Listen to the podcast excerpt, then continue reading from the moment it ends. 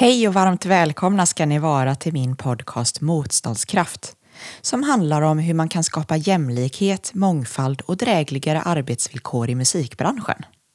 Jag heter Nina Palm och i detta första avsnitt så ska vi prata om möjligheten för artister och musiker att få hjälp med sin marknadsföring och att få spelningar på basis av sin kvalitet och inte kontakter, egen marknadsföringsförmåga eller tidigare framgångar. För vad blir konsekvenserna av att det saknas vägar framåt för artister och musiker utifrån deras kvalitet? Så att de får dra i marknadsföringsbiten helt själva. Vad betyder det för förekomsten av utmattning hos kulturarbetare? Och vad betyder det för människans psykiska hälsa i allmänhet att värderas utifrån lönsamhet enbart? Och hur påverkas de professionella relationerna? Arbetsrättsliga frågor för kulturarbetare? Värdet på konstnärligt arbete? Kulturens frihet?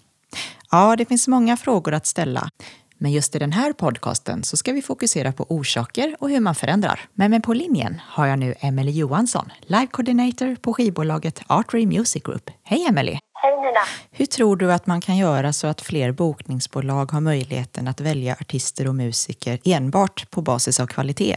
Det som jag kommer att tänka på är att eh, det faktiskt finns två stycken eh, stycken såna här eh, som säga, plattformar eller hemsidor eh, som heter den ena heter Local Sound och den andra heter Digital. Eh, och eh, vad jag förstår som så verkar det liksom eh, trilla in eventfrågningar ganska ofta därifrån just för att det är lättare för, för ett, ett företag eller vad det nu kan vara eh, att hitta en artist och artisten eh, finns redan med i en katalog och kan lättare bli hittad då. Okej, så det här är alltså en form av katalog?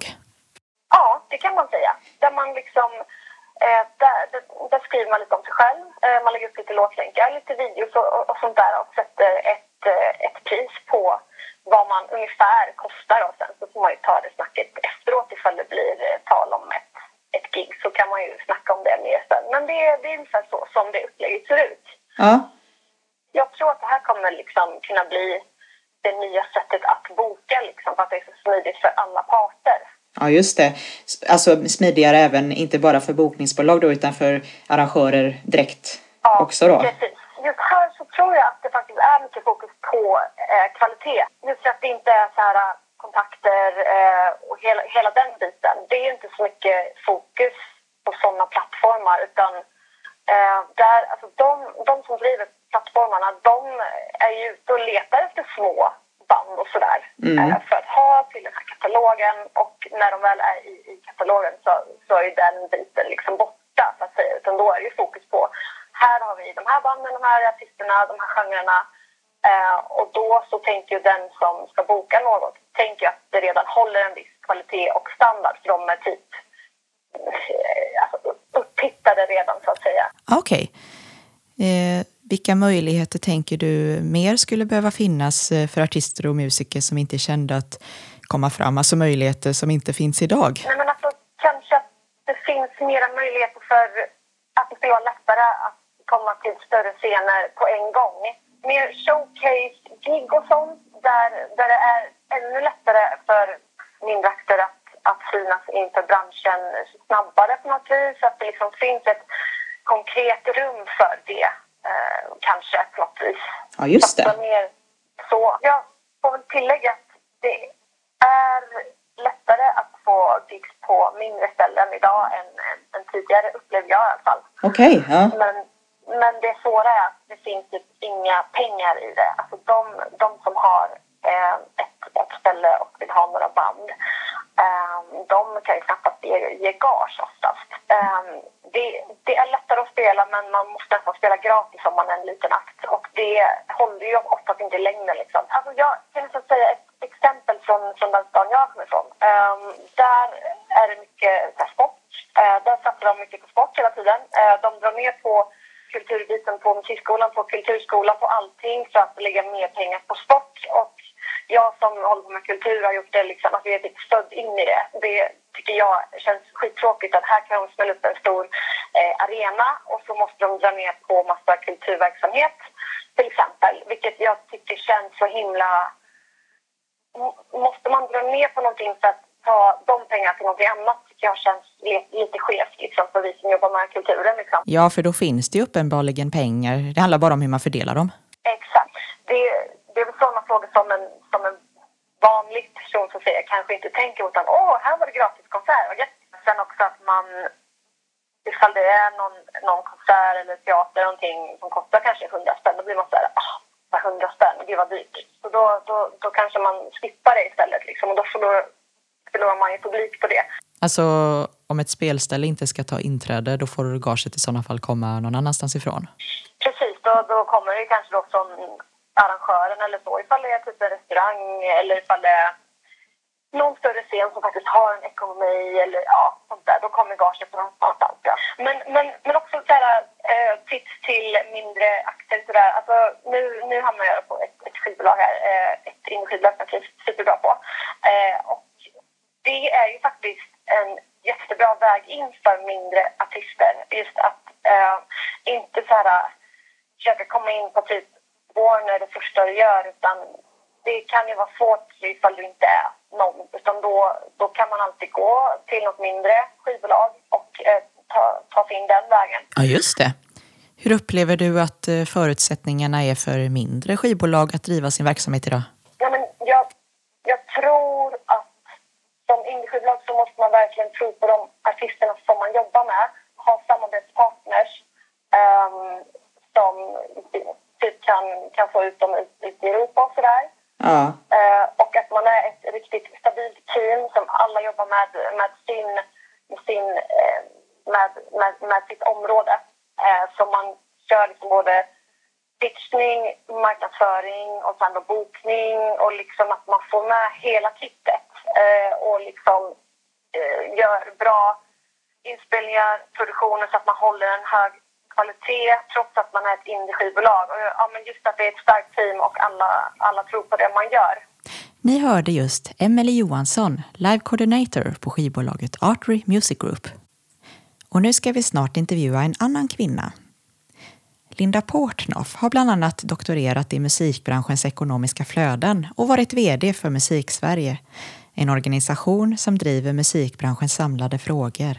Och vi ska fortsätta diskutera det här hur eh, okända artister och musiker kan få draghjälp på basis av kvalitet utifrån lösningar som saknas idag, men som är realistiska. Men först en låt om ekorrhjulet och om att behöva kompromissa med sina drömmar.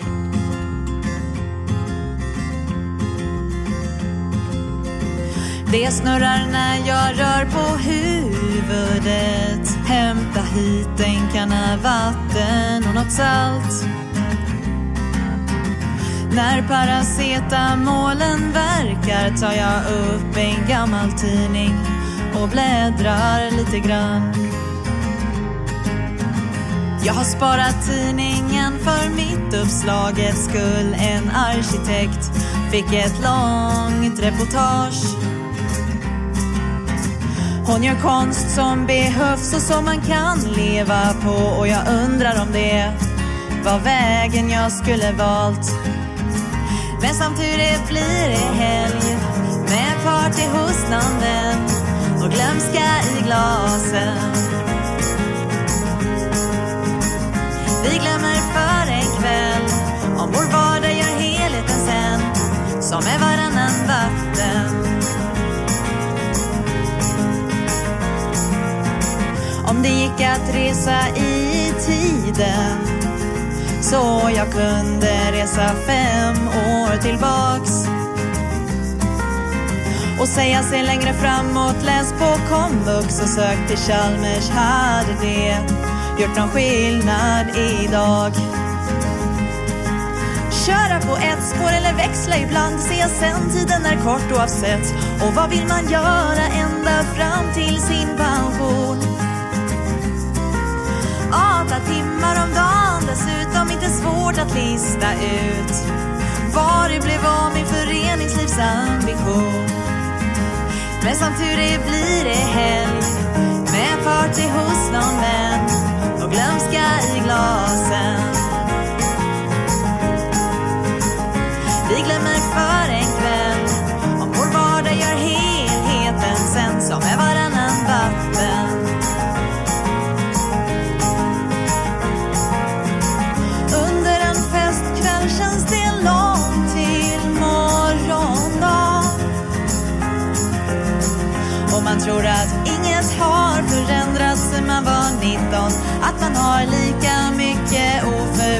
Oförbrukat kvar. Ja, vilken tur att det blir helg. Och glömska i glasen. Ja, vilken tur att det blir helg och glömska i glasen. Ja, vilken tur att det blir helg med party hos någon vän. Och glömska i glas.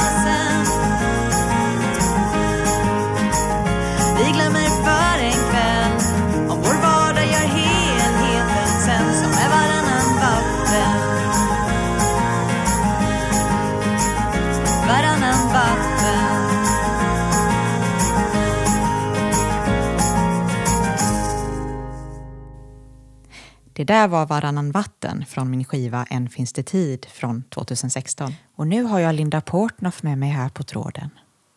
Linda, vad är de samhälleliga orsakerna till att ditt varumärke, din marknadsföringsförmåga, dina tidigare framgångar och dina kontakter fått sånt fokus som det har i dagens läge?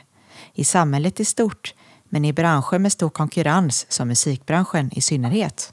Eh, jättespännande fråga. Jag tror att det har eh, många förklaringar och hänger ihop bland annat med den tekniska utvecklingen eh, där vi har gått ifrån att eh, det tidigare var ganska dyrt att eh, spela in en skiva och, och ganska svårt att eh, få ett eh, kontrakt med någon som skulle eh, göra din marknadsföring och, och promota ditt varumärke och din musik och så vidare. Och, eh, när det blev lägre trösklar för att eh, kanske kunna göra musik själv på sin kammare, spela in och distribuera eh, billigare så eh, öppnar det också upp för fler att göra det, både professionella och eh, amatör. Alltså att skapa är ju nästan en mänsklig drivkraft. Så det är ju väldigt många som tycker om att uttrycka sig och att, eh, ja, tror jag, skapa konst i olika former. Och, och eh, när det blir då väldigt stor eh, konkurrens så är det ju rätt svårt att göra sig hörd i bruset. Mm. Och då kommer man ju in på att liksom, för att nå från skapare till lyssnare så behövs det ju någon form av kommunikation. Just det.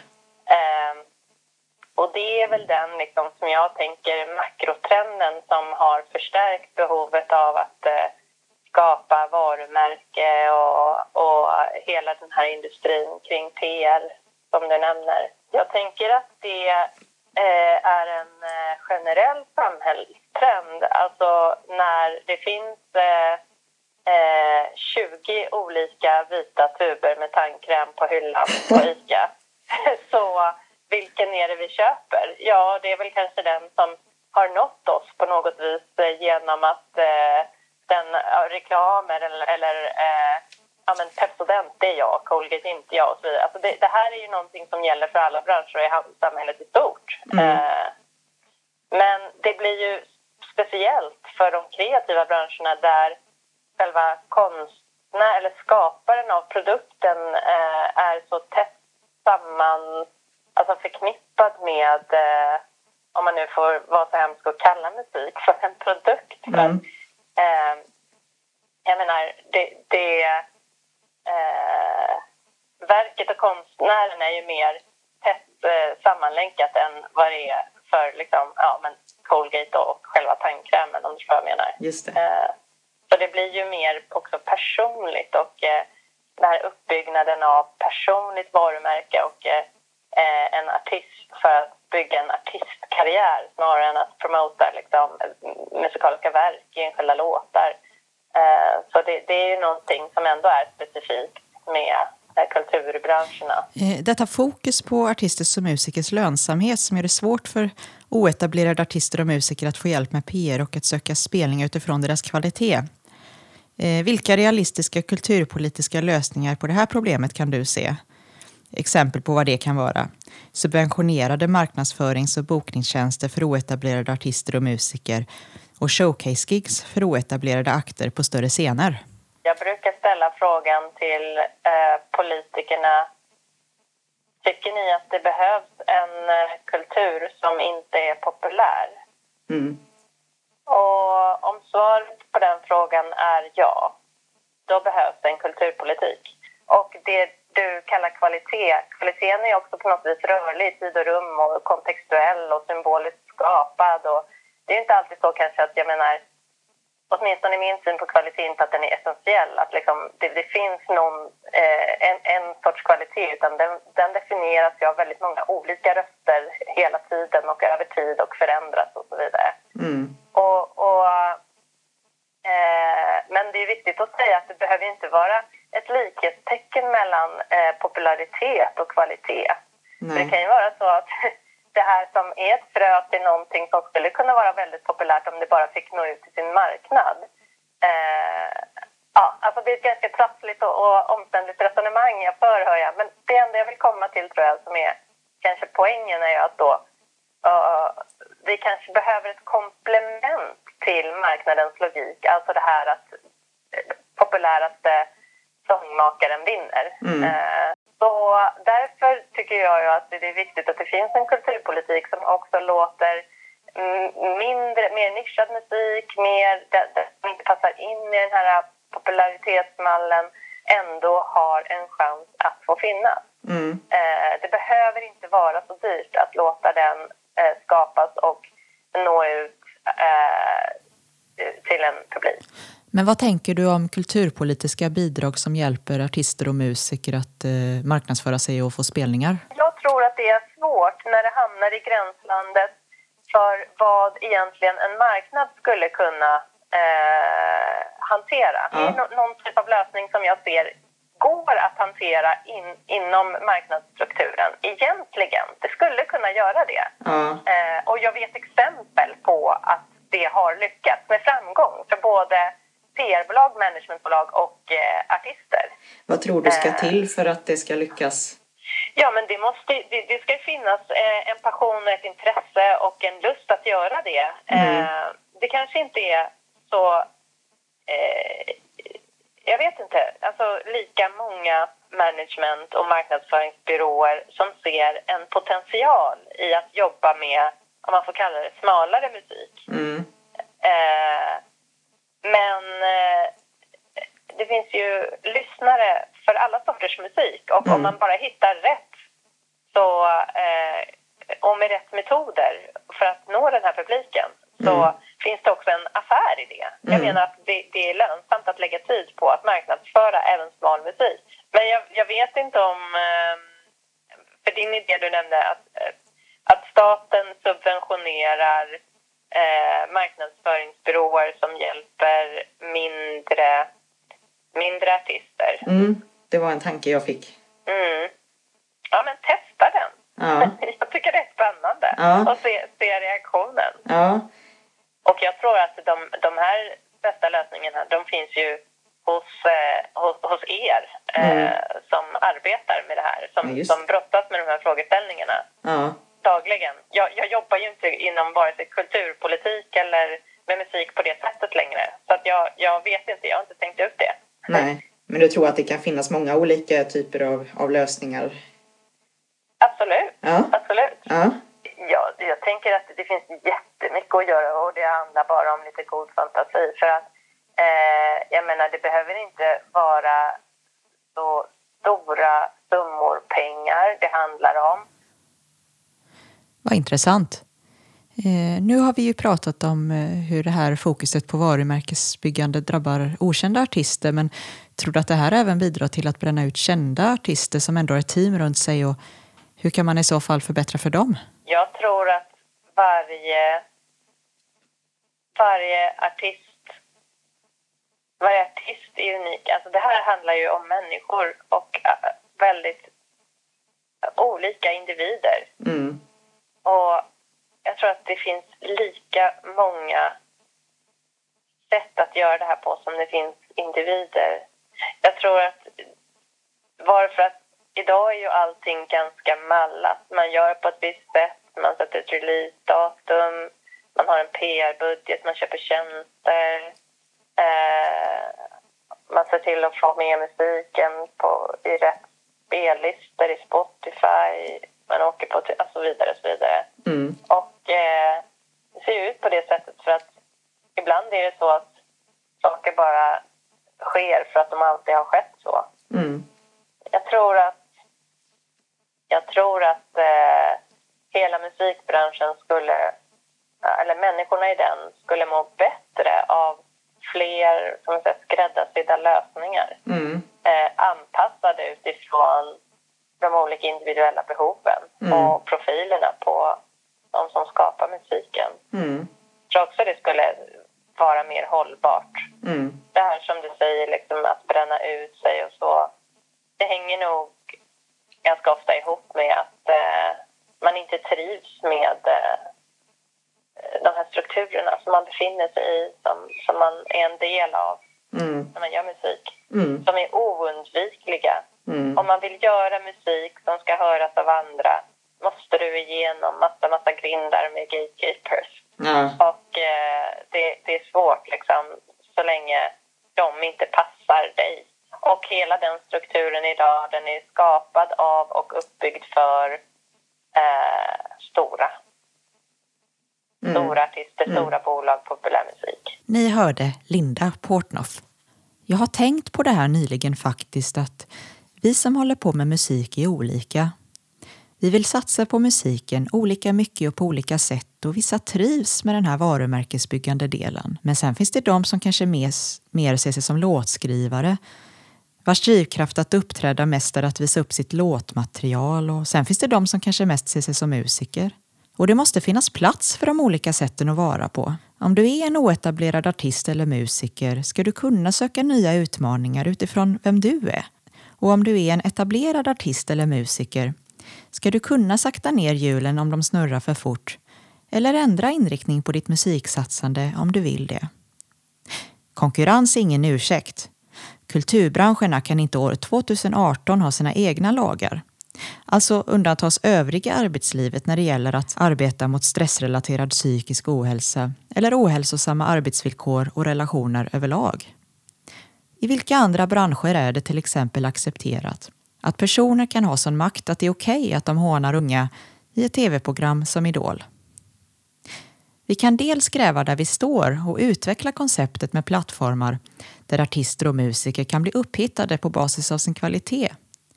Och vi kan dels lyfta blicken och få syn på alla andra lösningar som finns. Lösningen på det som vi pratat om i det här avsnittet är nog inte en lösning, utan lösningar. Att kämpa för att nå en dröm är egentligen en glädje om bara vägen innehåller gemenskap. Jag hoppas nu att jag har satt en boll i rullning här, att vi fortsätter att diskutera det som vi pratat om i det här avsnittet. Motståndskraft är slut för idag. Nästa vecka ska vi prata om det som vi nosat lite på i det här avsnittet. Vilka utmaningar möter arrangörer av mindre scener idag och hur kan vi stötta arrangörer av mindre scener så att de kan fortsätta sin verksamhet, få betalt för sitt arbete och ge artister och musiker betalt? Och hur stöttar Musikerförbundet sina medlemmar i frågan om ersättningar i en tid av gratisgigs och då den mesta musiken streamas? Det här får ni inte missa, så vi hörs igen nästa vecka. Tack för att ni har lyssnat.